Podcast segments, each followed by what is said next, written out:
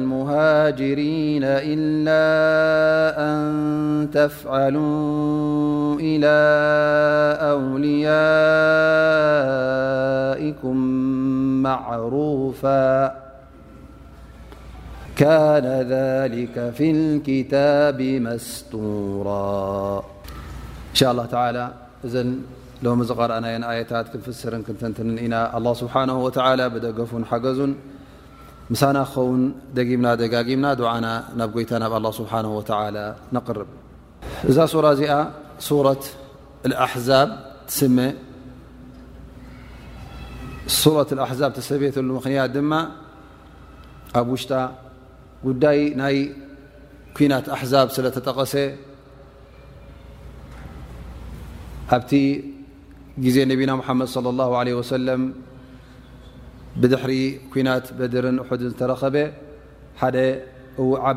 ዓቢ ኩናት ነይሩ ማለት እዩ እሱ ከዓ غዝወ ኣሕዛብ ይስመ ምክንያቱ ኣሕዛብ ተሰመ ከዓ በቢ ዓይነቶም ቀቢላታት ዓረብ ይኹኑ ኣይሁዳውያን ይኹኑ ካልኦት ኩሎም ለፊኖም ተኣኪቦም ተኣኻኺቦም ንእስልምና መጀመርያ ሰረቱ ኣብ መዲና ከድልድል ምስ ጀመረ ነዚ ሰረት እዚ ንምብንቋር ማለት ብሱሩ ንኸጥፍእዎ ስለ ዝሓሰቡ እሞ ኸኣ ኩሎም ሓቢሮም ንመዲና ከጥቅዑ መጺኦም ማለት እዩ እዚኦም ሕጂ እንታይ ተሰሚኦም ማለት እዩ ካብ ተፈላለየ ዓድን ካብ ተፈላለየ ቦታን ቀቢላን ስለ ዝኾኑ ኩሎም ካብ ሓደ ቦታ ኣይኮኑን ላ ስብሓን ወተላ እዚኦም ኣሕዛብ ተባሂሎም ብኡ ሰሚዎም ማለት እዩ ብዛዕባኦም ብዛዕባ እዛ ኩናት እዚኣ ጠቐሰት ስለ ዝኾነት ስብሓ እዛ ሱራ እዚኣ ብሱረት ምንታይ ተሰሚያ ብሱረት ኣልኣሕዛብ ተሰሚያ ማለት እዩ እዛ ሱራ እዚኣ ኣብተን ሱራ መደንያ ማለት እዩ ኣበይ ማለት እዩ ብድሕሪ ህጅራ ነቢና ሙሓመድ ለ ላ ሰለም ኣብ መዲና ዝወረደት ሱራ ትኸውን ማለት እዩ እዛ ሱራ እዚኣ እንተ ርእናያ ብሓፈሽኡ ብዛዕባ ክንዛረብ እተ ኮይና እቲ ኣብ መዲና ዝነበረ ሂወት ናይ ሓዳሽ ከተማ እስልምና ወይከዓ ሓዳሽ ሃገር እስልምና ትስረተሉ ዝነበረት እቲ ሂወት ንኡ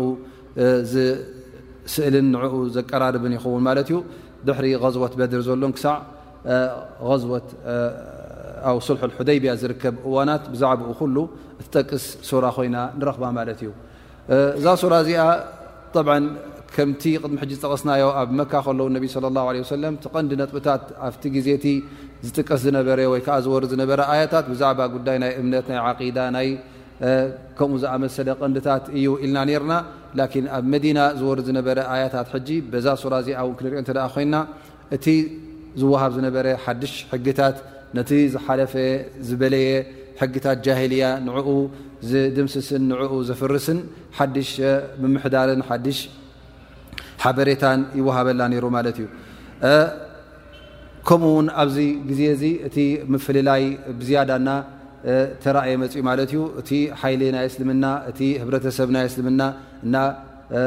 ተሰረተ ይኸይድ ነይሩ ማለት እዩ ኣብ መካ ክገብርዎ ዘይክእሉ ዝነበሩ እሀ ሕጂ ኣብ መዲና ክግበር ተኻኢሉ ማለት እዩ ምክንያቱ ኩሎም ኣብ ሓዚ ኣብ ሓደ ቦታ ተኣኪቦም ኣብ ሓደ ዓዲ ተኣኪቦም ነንሕዶም እውን ሰላም ስለ ዝረኸቡ ዝኾነ ይኹን ውሽጣዊ ጎነጽ ስለ ዘይነበረ፣ ብድሕሪኡ ነቲ ናይ ውሽጣዊ ምድልዳል ኮይኑ ነቲ ህብረተሰብ እስልምና ንዕኡ ዘርኢ ሕግታትን ንርኡ ዘርኢ ሓቤሬታትን ዝሓዘት ሱራ ትኸውን ማለት እዩ። ከምዚ ኣመሰለ ሱራ እውን ይወርድ ነይሩ ማለት እዩ። እዛ ሱራ እዚኣ እንተ ርኢናያ ኣብቲ መጀመርያ ትጠቕሶ ኣላህ ስብሓነሁ ወተዓላ ቀዳማይ ትእዛዝ ናብ ነቢና ሙሓመድ ሰለላሁ ዓለይሂ ወሰለም ብነቢይ ጠቒሱ ያ ኣዩሃ ነቢይ ኢሉ ተቕዋ ክገብር ከም ዘለዎ ፍርሃት ረቢ መገዲ ረቢ ሒዙ ክኸይድ ከም ዘለዎ ፈፂሙ እውን ንዝኾነ ይኹን ናይቶም ሙናፊቒን ይኹን ናይቶም ክሓቲ ይኹን ዘረባ ንኸይሰምዕ ብኦም ንኸይታለል ኣላ ስብሓን ወተዓላ መጠንቀቕታ እናሃቦ ከምኡ እውን እቲ ኣብ ግዜ ጃህልያ ዝነበረ ጉዳይ ናይ ዚሃር ማለት ሓደ ሰብ ንበዓልቲ ቤቱ ንስኺ ከመደይ ኩንኒ ኢሉ ክምሕልን ቅጥሕል እንተ ኮይኑ እዚ ቅቡል ከም ዘይኮነ ዘረባ ናይ ጃሂልያ እዩ ነይሩ እዚ ነተን ደቂ ኣንስትዮ ጉድኣት ዝግበር ዝነበረ ማለት እዩ እስኺ ከመደይ ኩንኒ ኢሉ እንታይ ገብራ ማለት እዩ ሽዑ ኣይ ሰበይቱ ኣይ ካልእ ኣይትምርዖ ኣይ ኣቢሉ ጠንጢንዋ ከይድ ማለት እዩ ንዓ ሕጂ ኣብ ምንታይ ኣውደቓ ነይሩ ማለት እዩ ኣብ ሕማቕ ትወድቕ ነይራ ማለት እዩ እዚ ነገራት እዚ ይኹን ከምኡ ውን ናይ ተበኒ ዝበሃል ማለት ዘይወለድካዮ ሰብ ወደይ ኢልካ ተበኒ ክትገብር ከለኻ ውሉደይ ክትብል ከለኻ እዚ ነገር እዚ እውን ቅቡል ከም ዘይኮነ ኣብ እስልምና ቅድሚ ሕጂ ኣብቲ ግዜ ጃህልያ ነይሩ ይኹን ዳኣ እምበር ላኪን ኣብ ግዜ እስልምና ዝግዳይ እዚ ከም እተበተኸን ከም እተኸልከለን ዘርኢ ማለት እዩ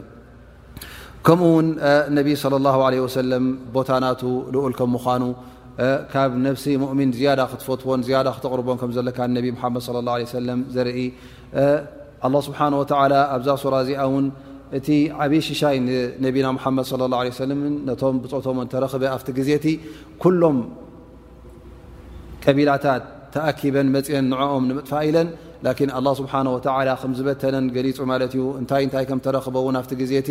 ኣላ ስብሓን ወተላ የብርሃልና ማለት እዩ እቶም ኣሕዛብ ምስ ተኣከቡ እቶም ሙናፍቒን እንታይ ከም ዝገበሩ እቶም ብሓቂ ሰብ ኢማን ከ ከመይ ዓይነት እምነት ነይርዎም እዚ ኩሉ ኣላ ስብሓን ወተላ ይገልፀልና ማለት እዩ እዛ ሱራ እዚኣ ካብቲ ሒዛቶ ዝመፀት እውን ነቢይ ስለ ላ ለ ሰለም ተን ኣንስቶም ረሱላ ላ ንሕናስ ተሸጊርና ንና እቲ ናይ መዒሻ ጉዳይ ተሸጊርና እሞ ዝያዳ ተውሲዓ ግበረልና ኢለን ምስ ሓተታ እነቢ ለ ላ ለ ወሰለም ኣማሪፆመን እተ ኣዱንያ ደልያ ኮይን ክፈትሓክን ናይ ኣዱንያ ክንድለያ እተ ኣራ ደልያ ኮይን ግን ምሳይ ይሕሸና እተ ትብላ ኮይን ሓዲኡ መረፃ ኢሎም እነቢ ለ ላ ሰለም ከም ዘምረፅዎን ከምኡ ውን ኣላ ስብሓን ወተላ ንቤት ነቢና ሓመድ ለ ነተ ኣንስቶም ፍልይ ዝበለ መብርህን ፍልይ ዝበለ ሓበሬታን ኣብዛ ሱራ እዚኣ ሂቦመን ማለት እዩ ከምኡ ውን ካብቲ ምስቲ ናይ ተበኒ ዝተኣሳሰረ ጉዳይ ዝነበረ ማለት እዩ ወደይ ትብሎ ዝነበርካ ዘይወድኻ እንከሎ እንተ ሰበይቲ ነራቶ እሞ ከዓ እተ ፈትሕዋ እዛ ሰበይቲ እዚኣ ሓላል ከም ምዃና ንዓኻ ኣ እቲ ሓራም ዝኾነ ሰይቲ ወድኻ ዝነበረት ካብ ካባኻ ዝውለድ እንተ ኮይኑ ዩ ደኣ እምበር እንተ ካባኻ ዘይተወለደ ኮይኑ ዋላ ውን ወደይ ኢልካ ትፀውዓዮ ከም ወድኻ ጌርካ ውን ኣቕርቦ እዚ ሕጂ ከም ወድኻ ኣይኮነካን እዩ እታ ሰበይቱ እውን ከም ሰይቲ ወድኻ ኣይትቑፀርን እያ ማለት እዩ እዚ ግን ኣብቲ ግዜ ጃሂልያ ከምኡ ይረአ ስለ ዝነበረ ኣላ ስብሓን ወተላ ነዚ ጉዳይ እዚ ንክብትን ነጊርሎም ማለት እዩ እዚ ነገር እዚ እውን ኣላ ስብሓን ወተላ ክገብሮ እንከሎ ወዲ ሰብ ትእዛዝ ኣላ ስብሓን ወተላ ስለ ዝኾነ ወላ እውን ምስቲ ናይ ህብረተሰብ ልምድን ምስ ናይ ህብረተሰብ ባህልን ይገራጮ ይኹን ዳኣ እምበር ትእዛዝ ኣላ ስብሓ ወ እንተ ኮይኑ ምርጫ ከምዘይብልካ ኣንታ ሙእምን ወማ ካነ ሙእምኒን ወላ ሙእምና ኢዛ ቀض ላ ወረሱሉ ኣምራ ኣን የኩነ ለሁም ኣልክራት ምን ኣምሪም ፈፂሙ ምርጫ የብልካን ማለት እዩ እዘ ነዚ ጉዳይ እዚ ቀዳምነት እቲ ትእዛዝ ናይ ኣላ ስብሓን ወተላ ክወሃብ ኣለዎ ብድሕሪኡ ናይ ባህልን ናይ ልምድን ነገራት እተ ኣሎ ኮይኑ ምስቲ ናይ እስልምና እተ ዘይገራጮ ኮይኑ ሽግር የብልካ ግን እተ ክገራጮ ኮይኑ ቀዳምነት ንመን ኢኻ ክትህብ ዘለካ ቀዳምነት ነቲ ናይ ኣላ ስብሓን ወተላ ትእዛዝ ትህብ ማለት እዩ እዚ ነገራት እዚ ከምኡ ውን እተ ክምርዓዋኻ ወይ ከዓ ክትምርዓወን ዝፍቀድ ነዚ ጉዳይ እዚ ጉዳይ ናይ ሕጃብ ይኹን ካልእ ነገራት ውን ናይ ህብረተሰብ ከመይ ጌርካ ምምሕዳር ኣላ ስብሓን ወተላ ናይ ቤት ነቢ ለ ላ ለ ሰለም ነዚ ነገራት እዚ ኩሉ ገሊፁና መጨረሻ እዛ ሱራ እዚኣ ካብቲ ዝጠቐሰቶ ውን ጉዳይ ናይ ዮም ልቅያማ የስኣሉ ብዛዕባ ናይ እቶም ሰባት ዝሓትዎ ማለት እዩ ኩሉ ግዜ ናይ ዮም ቅያማ መዓስ ከም ምኳኑ እዚ ጉዳይ እዚ እውን ጉዳይ ብጀካ ኣላ ስብሓን ወተላ ካልእ ዝፈልጦ ከምዘየሎ ጠቂሳ መጨረሻ እውን ናይ ዓርض ኣማና ማለት እቲ ኣማና ተሰኪምዎ ዘሎ ወዲ ሰብ ዓቢ ከም ምዃኑ ኩሉ ፍጥረት ማለት እዩ ሰማያትን መሬትን ጎቦታትን ኩሉ ነዚ ኣመና እዚ ክስከሞ ኣይከኣለን ንኸይስከሞ እውን ኣይክእልን እየ ኢሉ ስለ ይቕሬታ ዝሓተተ ካብ ኣላ ስብሓን ወተዓላ እንሀ ወዲ ሰብ ግን ነቲ ኣማና ተሰኪምዎ ኣሎ እሞ እዚ ኣማና እዚ ድማ ብደንቢ ክንስከሞ ከም ዘለና ከምቲ ግቡእ ጌርና እውን ክንስከሞን ከነብፅሖን ከም ዘለና ኣላ ስብሓን ወተዓላ ሓበሬታ ይህበና ኣሎ ማለት እዩ እዚ ብሓፈሽኡ እዛ ሱራ እዚኣ ሒዛቶ ዘላ ነጥብታት ጠቂስና ማለት እዩ ካብኡ እንሻ ላ ኣብቲ ትንተናና ክንኣቶ ኢና ባረከ ላ ፊኩም እዛ ሱራ እዚኣ ብመጀመርያ ክትጅምር ከላ ኣ ስብሓ ከበይ ገይሩ ጀምርዋ ማለት እዩ ብያ ኣዩሃ ነብዩ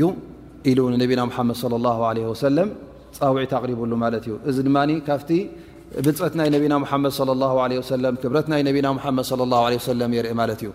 ላ ስብሓን ወላ ነቢና ሓመድ صለ ላ ለ ሰለም ክፅውዖም ከሎ ያ ሙሓመድ ኢሉ ብሽሞም ኣይፀውዖምን ብምንታይ ደኣ በቲ ዝሃቦም ክብሪ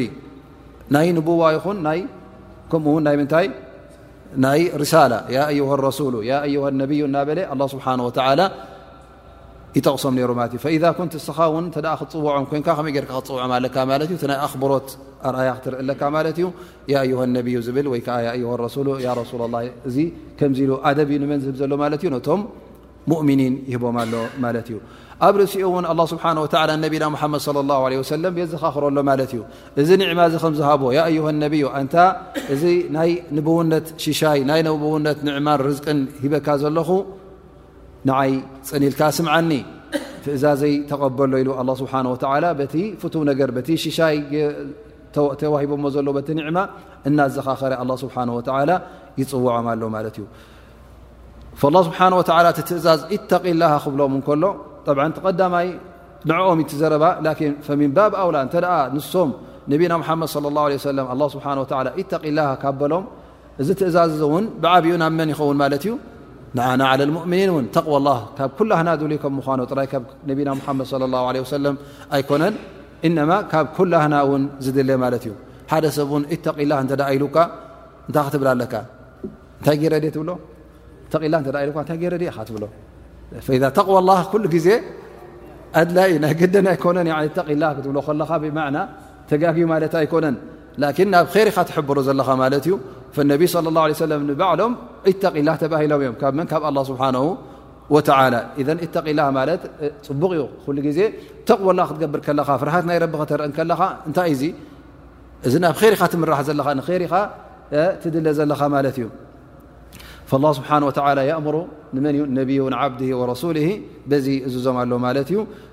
ፈንኻልእ ብዝያዳ ውን እዚ ትእዛዝ እዚ ኣድላይ ይኸውን ማለት እዩ ወተቅዋ ኩሉ ግዜ ከም ጠቐስናዮ ኣንተተኪዘ ቃል ወቃየተን በይነካ ወበይነ ዕቃብ ላ ወበይነ ዓዛብ ላ ኣብ መንጎኻን ኣብ መንጎ እቲ መቕፃዕቲ ኣላህን ኣብ መንጎኻን ኣብ መንጎ እቲ ማዕስያን እንታይ ክትገብር ኣለካ ማለት እዩ መከላኸሊ ዋልታ ክትገብር ኣለካ ማለት እዩ እዚ ዋልታ እዚ ሰናይ ተግባር ይኸውን ማለት እዩ ወየቁሉ ጠለቅ እብኒ ሓቢብ ኣተቅዋ ኣንተዕመላ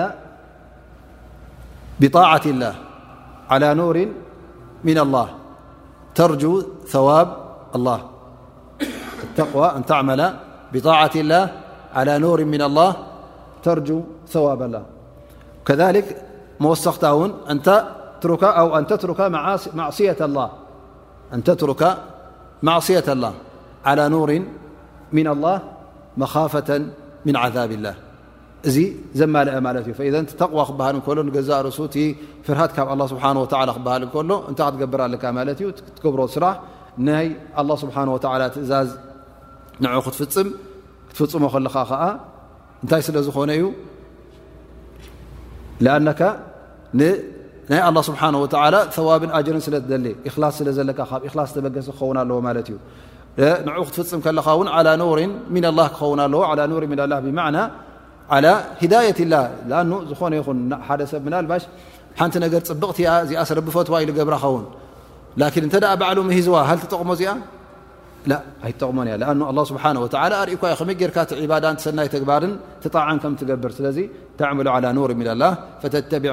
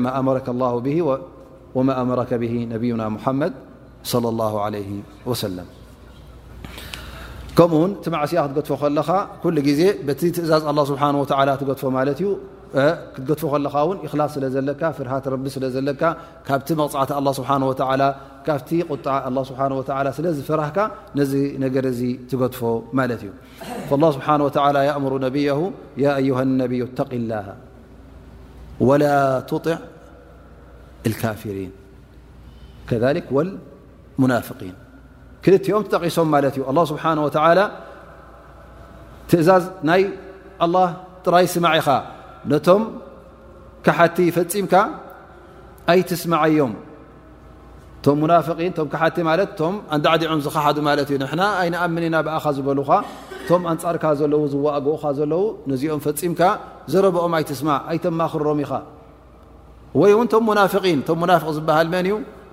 ብግዳሙ ብሳኻ ኣምሲሉ ሙእሚን ኣምሲሉ ብውሽጡ ግን ክሕደት ዝሓበአ ክሕደት ዝሰተረ እዚ ሕጂ እንታይ ይኸውን ማለት እዩ ሙናፍቕ ይበሃል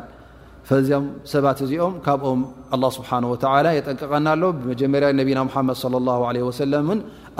ኣጠንቂቕዎሞ ማለት እዩ ኣላ ስብሓን ወተላ ኣጠንቂቕዎም ስለምንታይ ምክንያቱ እዞም ሰባት እዚኦም ንኼርካ ስለ ዘይደልዩ ክተማኽሮም የብልካን ዝሃቡኻ ምኽሪ ክትሰምዖ የብልካን ናይ መን ጥራይ ስማዕ ናይ ኣላ ስብሓን ወላ ትእዛዝ ኣላ ስብሓን ወላ ጥራይ ፍለጥ ኢኻ ሊክ ኣላ ስብሓን ወላ እንታይ ኢሉ እና ላ ካነ ዓሊማ ሓኪማ እቲ ትእዛዝ ዝበካ ዘሎ እቲ ውሓይ ዝውርደልካ ዘሎ መን እዩ ኣላ ስብሓን ወላ እቲ ፈላጥ ዝኾነ እቲ ኹሉ ነገር ዘይሕብኦ እቲ ጥበበኛ ጎይታ እሱይ ዶይኮነን ዝበካ ዘሎ ትእዛዝ እሞ ናይቲኦም እንታይ ክጠቕመካ እዩ ወላ ሓንቲ ኣይክጠቕመካን እዩ ስለዚ እቲ ክትክተሎ ዝግብኣካ ብሓቂ ክትምእዘዞን ክትቅበሎን ዘለካ ናይ መን እዩ ናይቲ ኩሉ ነገራት ዝፈልጥ ፅባሕ ንጎ እንታይ ከም ዝርከብ እንታይ ከም ዝኸውን ዝፈልጥ ጎይታ ናቱ ጥራይ ተኸተል ኢኻ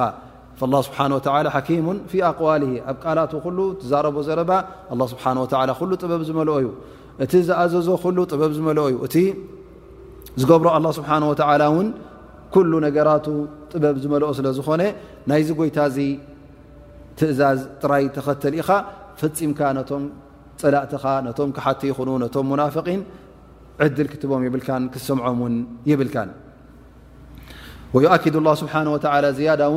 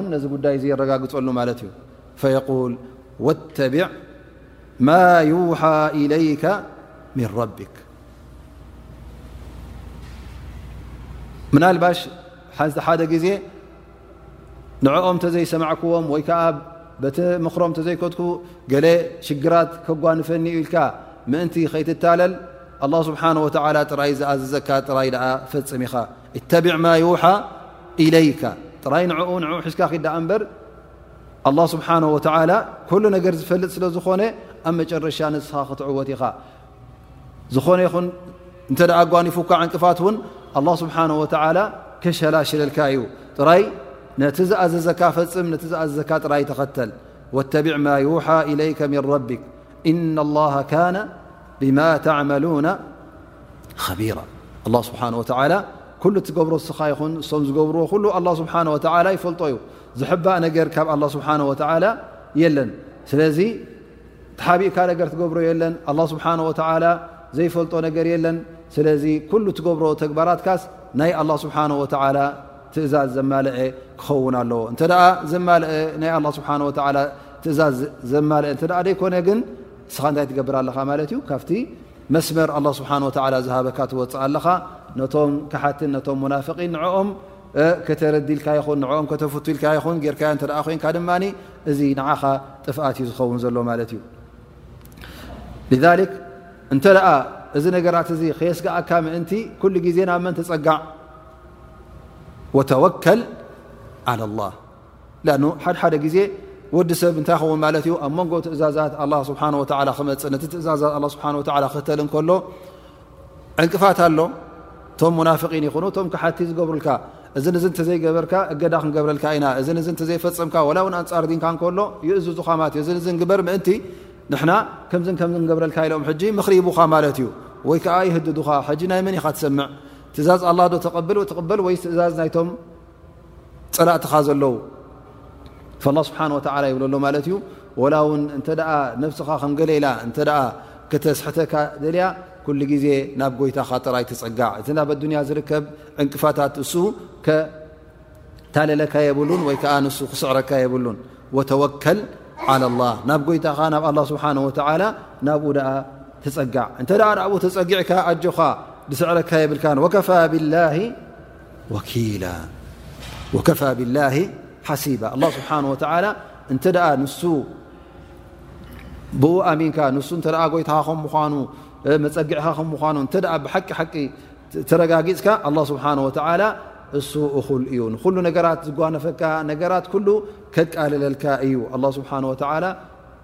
ምስቲ ሓይሉ ዝዳረግ ሓይሊ የለን ምስቲ ክእለቱ ዝዳረግ የለን ምስቲ ፍልጠቱ ዝዳረግ የለን ኣላ ስብሓን ወተላ ስለዚ እንተ ብሓቂ ናብኡ ትውከል ናብኡ ትፅጋዕ እተ ኮንካ ንሱ ኣጆኻ ካብቲ ወሪዱካ ዘሎ ሽግራት ካብቲ ትሪኦ ዘለካ ዕንቅፋታት ኣላ ስብሓን ወተላ ከድሐነካ እዩ እዚ እውን እንተ ኣብዚ ንሪኦ ና ብዛ ኣያ እዚኣ ዝብላ ዘሎ ኣላ ስብሓን ወተላ ኣብ ምንታይ ክትትርጎም እያ ፅባሕ ንግሆ ኣብታ غዝወት ኣሕዛብ ዝረኣናያ በቲ ተረኪቡ ዝነበረ ኩነታት እንተ ርኢና غዝወት ኣሕዛብ ከምቲ ተኣኪቦሞ ዝነበሩ ከምቲ ተሰማሚዖሞ ዝነበሩ ከምቲ ነታ መዲና መፅኦም ከቢቦማ ዝነበሩ እንተ ርኢኻ ሓታ ኣብቲ ግዜ እቲ እቶም ሙሽርኪን እንታይ ይብሉ ነይሮም ሙሓመድ ሕጂ ፅባሕ ንግሆ ክትዕወቱ ኢኹም ፅባሕ ንግሆ ሻም ዒራቅ ክትበፅሑ ኢኹም ዝብለና ዘሎስ ሕጂ ንሕና ንቐልቀል ክንወፅእ ንኽእል የለናን ወላ ውን ኣብ ደገ ክንወፅእ ደሊና ኣሚና ይንወፅእ ኢና ስኢሉ እዩ ሰብ ዚ ፅሉል እዩ ከይከዓ ንዓና ይዕሽወና ኢሉ እብሉ ነሮም ማለት እዩ ኣብ ከምዚ ኩነታት ተበፂሑ ነይሩ ላኪን ኣላ ስብሓን ወተዓላ ቀጢሎም ነቲ ትእዛዝ ኣላ ስብሓን ወተዓላ ምስ ሓዘቶም ሙእምኒን ወላ ውን ውሑዳት እንከለዉ ወላ ውን ስኡናት እንከለዉ ወላ ውን ዕሩቓት እንከለዉ ኣላ ስብሓን ወተዓላ ኣብ መጨረሻ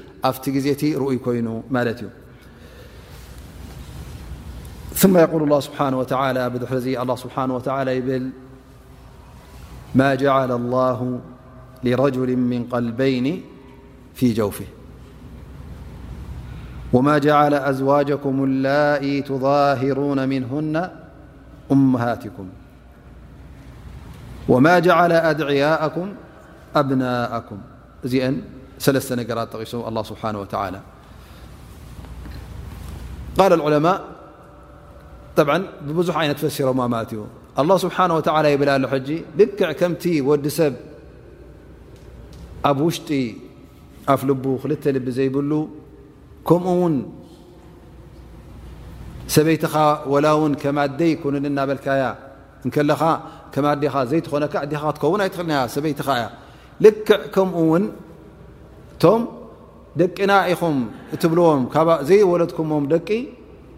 ደቅና ትብልዎም ዘለኹም እሶም ውን ደቅኹም ኣይኮኑን እዩ ዝብሎም ዘሎ ኣ ስብሓ እንታይ ማለት እዩ በቲ ጭቡጥ ነገር ዝፈልጥዎ ነገር በቲ ኣብ ኣካላቶም ዝፈልጥዎ ማለት እዩ ማና ኩሎም ይፈልጡ ነይሮም ወዲ ሰብ ኣብ ልቡ እቲ ኣላ ስብሓን ወተላ ክንደይ ልቢ ገይሩሉ ሓንቲ ልቢያ ገይርሎ ዘሎ ኩሎም ፈልጡ እዮም ማለት እዩ ኣ ስብሓ ወ ክልተ ልቢ ዝበሃል ኣይገበረን ሰበይትኻ ድማ ወላ ውን ሽሕ ግዜ ከመደይ ኩንኒ ተበልካያ ከመደይ ኢኽ ተበልካያ ሃላ ኣዴኻ ትኾነካ ከመዴኻ ክትሪኣ ትኽእል ዳሕራይ ናይ ኣዴኻ ክብረትን ናይ ኣዴኻ ቦታን ክትወስድ ትኽእል እዚ ነገር ዘይከውን ፈኢዘን ከምኡ ውን ቶም ተበኒ ማለት ወደይ ኢልካ ዘይወድኻ ወደይ ክትብሎም ከለኻ ወላ ውን እከለ ወዲ ከለ ተባሂሉ ወላ ብስምካ ይሰመ ዳኣ እምበር ፈፂሙ እዚ ሰብ እዙ ወድኻ ኣይክኾነካን እዩ ስብሓ ፊ ኒሃያ ኩም قውሉኩም ብኣፍዋሂኩም እዚ ሕጂ ካብ ምንታይ እዩ ዝጠንቀቐና ዘሎ ኣላ ስብሓን ወተላ ካብ ናይ መልሓስ ጌጋታት ብመልሓስ ትብሎ ሓቂ ዘይብሉ ነገራት እንተ ኮይኑ ፈፂሙ ሓቂ ክኸውን ኣይክእልን እዩ ወላ እውን እተ ኢልካዮ እዚ ወላደ እዩ ዘይውላድካ ዘይሰበይትኻ ዘየዴኻ ኣደይ እተ ኢልካያ ዘየቦኻ ኣቦይ እተ ኢልካዮ ካብቲ ሓቂ ዝልወጥ ነገር የለን ወላ መልሓስካ ደኣ በሎ እምበረይ እዚ ነገር እዚ ቅቡል ኣይኮነን ላ ስብሓን ወተላ በዚ ገይሩ ነቶም ኣብቲ ግዜ እቲ ዝነበሩ ኣላ ስብሓን ወተላ ነዛ ጉዳይ እዚኣ ንኸብርሃሎም ገይሩ ከምዚ ገይሩ ይገልፀሎም ማለት እዩ ጠብዓ ኣብቲ ግዜ ከምቲ ዝበልናዮ ነቢ صለ ላه ለ ወሰለም ዚሃር ዝበሃል ነይሩ ማለት እዩ ማለት ንሰበይቶም ከመ ኣደይ ኩንኒ ኢሉ ይምሕለላ ኣንቲ ከዛህሩ እሚ እስኺ ልክዕ ከም ዝባና ኣደይ ኩንኒ ኢሉ ንሰበይቱ ይምሕል ነይሩ ማለት እዩ ከምኡ ኢሉ ላሳ መጨረሻ እዛ ሰብ እዚኣ እንታይ ትኸውን ማለት እዩ ከምዚ ኢሉ ምሒሉላ እዩ ኣብቲ ድማ በቲ ሓደ ሸነኽ ዓቂዱላ ኣሎ ሰበይቲያ ማለት እዩ በቲ ሓደ ሸነኽ ድማ ምሒሉ ንኸይቀርባ ሰበይቱ ከመዲኡ ክለ ስለ ዝበለ ስለ ዝመሓለ ይ እንታይ ትኸውን እዛ ሰብ እዚኣ መንጎ መንጎ ተርፍ ነራ ማለት እዩ ላኪን ኣላ ስብሓን ወተላ ነዘን ከምዚ ዝኣመሰላ ሰባት ኣላ ስብሓን ወተላ ኣብ ሱረት ሙጃድላ ኣብኣ መፍትሒ ምፅሎም ማለት እዩ ከም ማሓላ ተቆፂሩ ን እዚ ማሓላ እዚ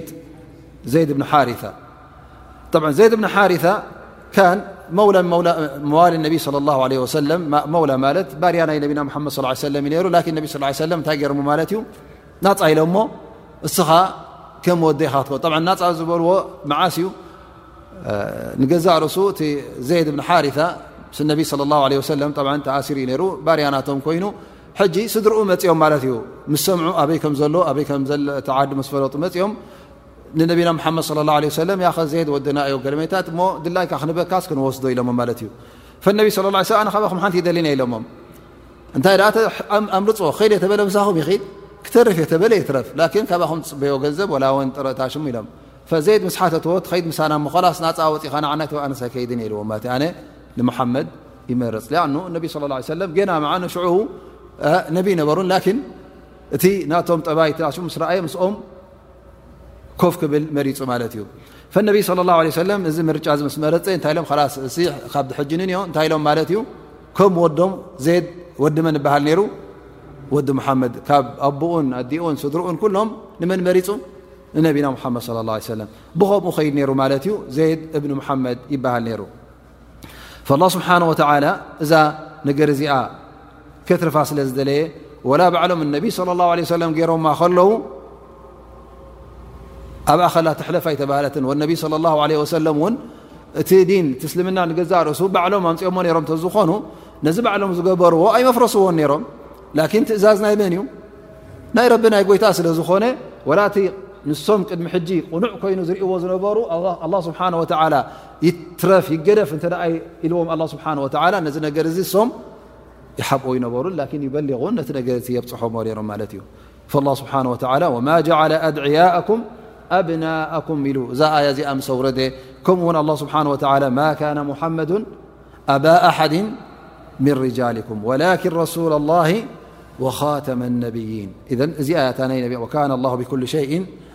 ዓሊማ እዚኣ እታ ኣላ ስብሓን ወተላ ዘወረዳ ማለት እዩ ብዛዕባ ናይ ዜድ ካብዛ መዓልቲ እዚኣ ዜድ እንታይ ኮይኑ ማለት እዩ ኣብታ ስም ናይ ኣቦኡ ዜድ እብን ሓሪታ በኣ ይፍለጥ ማለት እዩ ላኪን ካብ እነቢ ስለ ላሁ ለ ወሰለም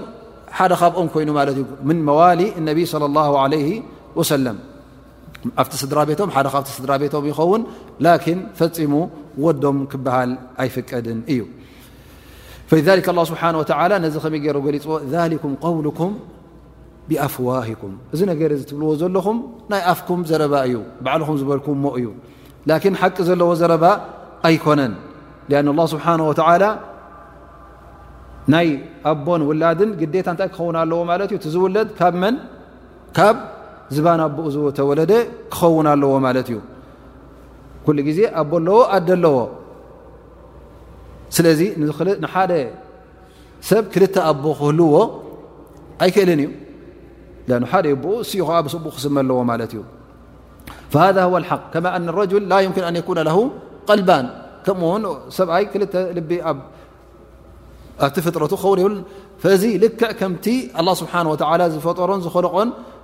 ክኸውን ኣለዎ ማለት እዩ ኣን ላ ስብሓን ወተላ ካብ ኣደም ዝኸለቐና ኣ ስብሓ ወላ እቲ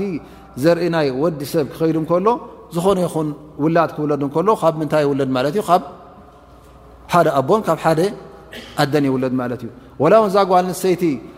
ዓሰርተ ሰብ ይምፅእዋ ካብ ኩሎም ክትወልድ ትኽእል ብሓንሳእ ናይ ሓደ እያ ትሕዝ ማለት እዩ ስብሓ ወ ሃ ክልቀት ላ ስብሓ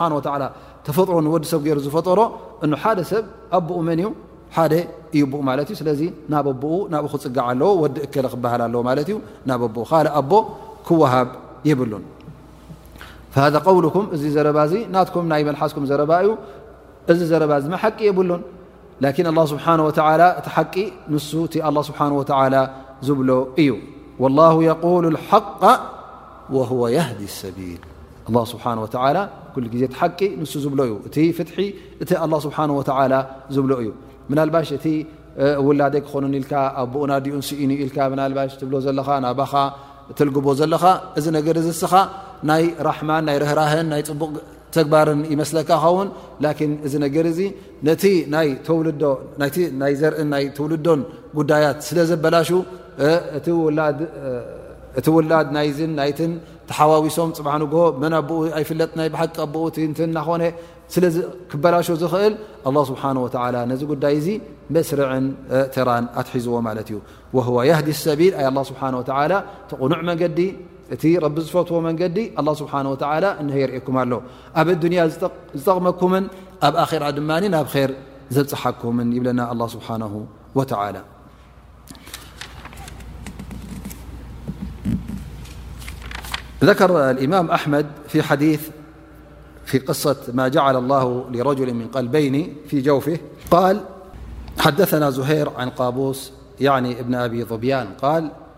إن أباه حدثه قال قلت لبن عباس أرأيت قول الله تعالى ما جعل الله لرجل من قلبين في جوفه معنا بذلك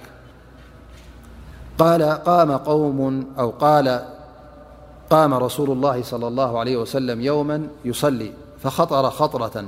فقال المنافقون الذين يصلون معه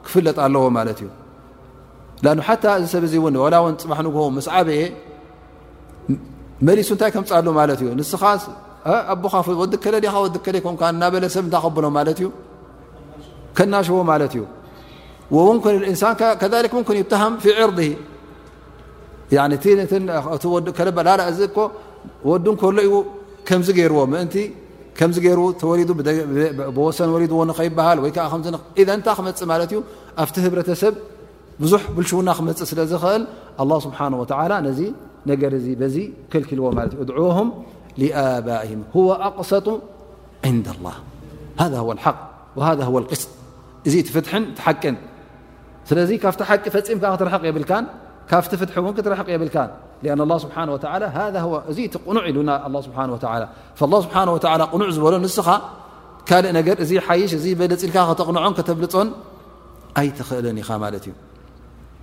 ሎም ስኻ ዘይወድኻ ወደ ኢልካ እቲ ዘይወዲ ወደ ኢሉ እቲ ዘይጓሉ ጓለ ኢሉ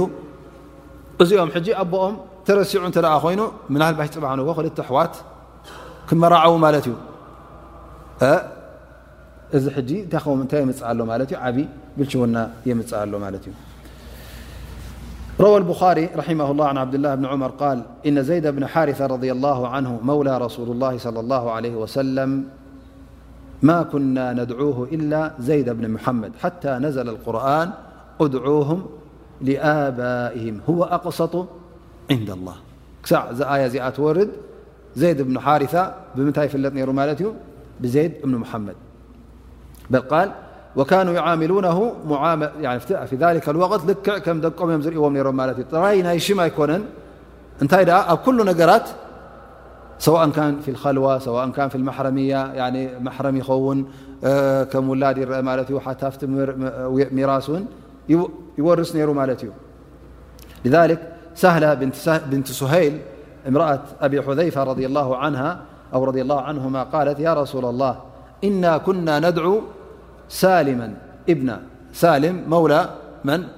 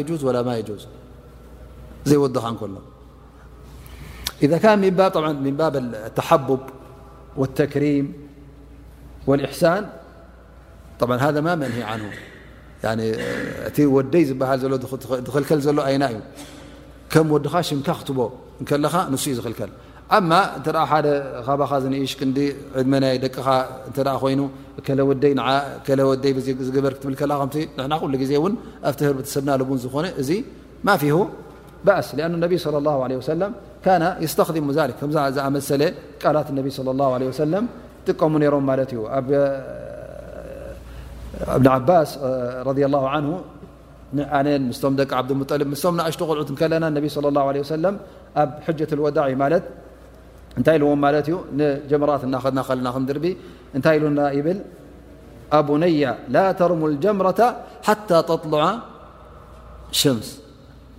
ኣንቱም ደቀይ ኢልዎም ማለት እዩ መዓኑ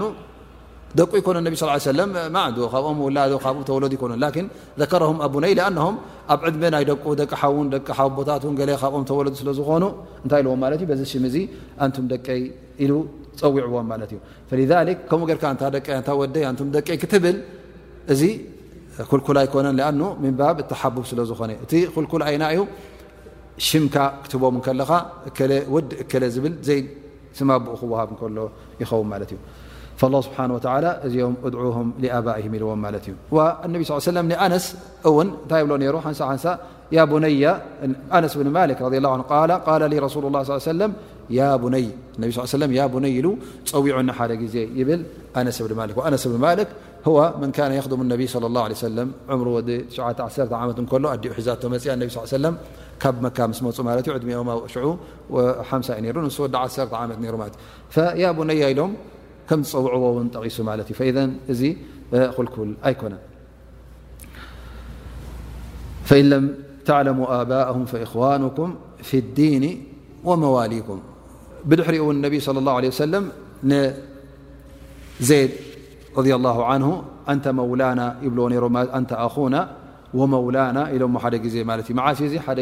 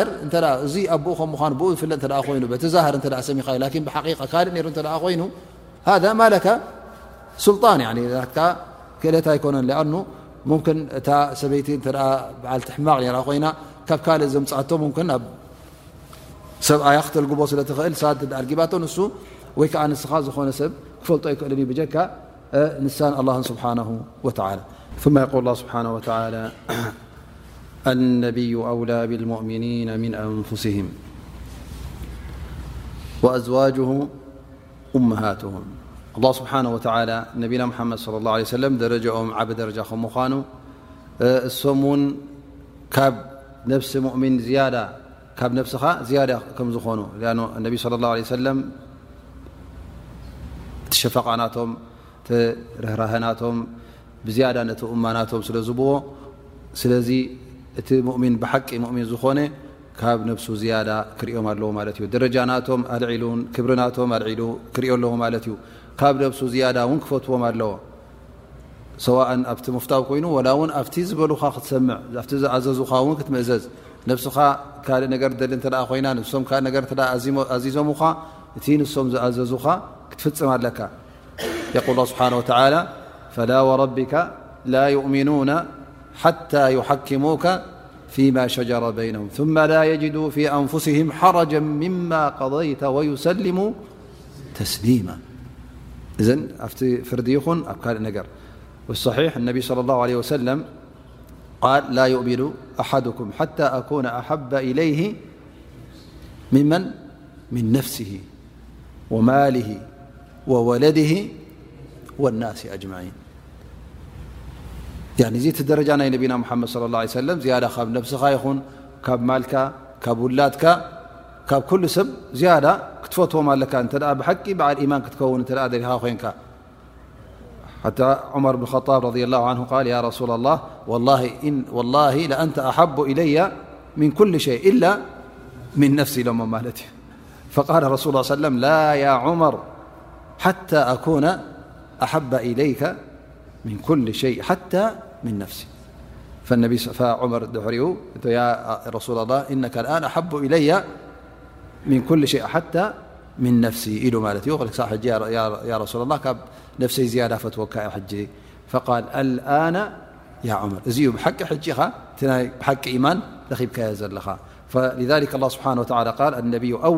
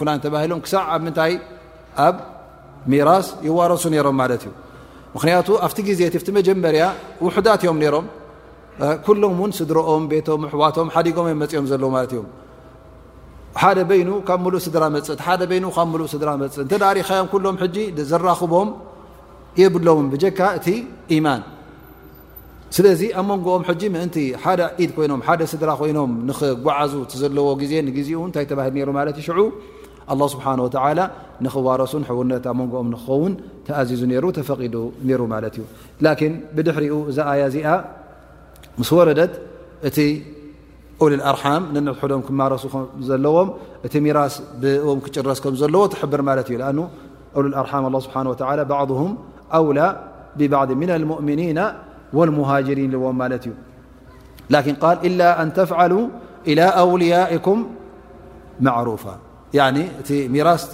ዝበሃል ዝነበረ ካልእ ነገራት ኩሉ ተሪፉ እዩ ላኪን እንታይ ኣሎ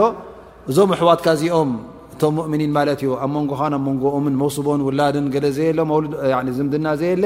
ኣብ መንጎኦም ክትተሓባበር ትተሓጋገዝ ር ንሕትካ ትገብር እሕሳን ትገብር ብወሲያ ገንዘብ እተ ክትገድፈሎም ደሊኻ ተዋሲኻ ትገድፈሎም ካብቲ ስሉስ ላኪን እቲ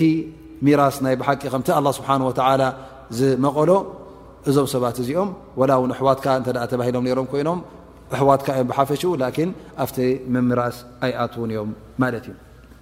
ሊክ ላ ስብሓን ወተላ በዚ ይጭርሶ ናይዞም ሰባት እዚኦም ኢላ ኣንተፍዓሉ ኢላ ኣውልያኩም ማዕሩፋ ሰናይ ነገር ትገብረሎም ፅቡቕ ትገብረሎም እቲ ማዕሩፍ ካብ መንጎኹም ኣየቋርፅ ክቕፅል ኣለዎ ላኪን እቲ